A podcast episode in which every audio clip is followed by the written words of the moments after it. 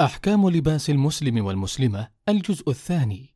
تحدثنا في اللقاء السابق عن بعض أحكام لباس المسلم والمسلمة ونكمل ما تبقى منها. فيستحب التجمل في اللباس في الحدود الشرعية وبلا إسراف ولا كبر لقول النبي صلى الله عليه وسلم إن الله جميل يحب الجمال. رواه مسلم. ويستثنى من ذلك المرأة إذا كانت عند رجال ليسوا من محارمها فلا تظهر زينتها بل تستر جميع جسدها. ويستحب التيامن عند لبس الثياب لقول النبي صلى الله عليه وسلم إذا لبستم وإذا توضأتم فابدأوا بأيامنكم. رواه أبو داود وصححه الألباني. ويحرم على الرجل الإسبال في جميع ما يلبس لقول النبي صلى الله عليه وسلم ما أسفل من الكعبين من الإزار ففي النار. رواه البخاري.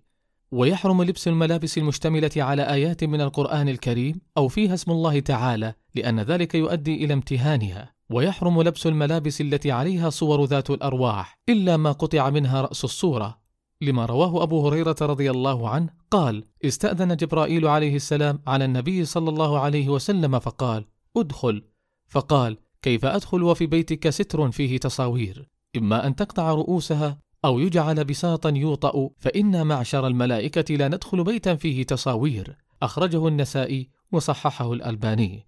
ويحرم لبس الملابس التي عليها شعارات الكفار الدينية كالصليب ونجمة اليهود ونحوها لما رواه عن عمران بن حطان أن عائشة رضي الله عنها حدثت أن النبي صلى الله عليه وسلم لم يكن يترك في بيته شيئا فيه تصاليب إلا نقض. رواه البخاري.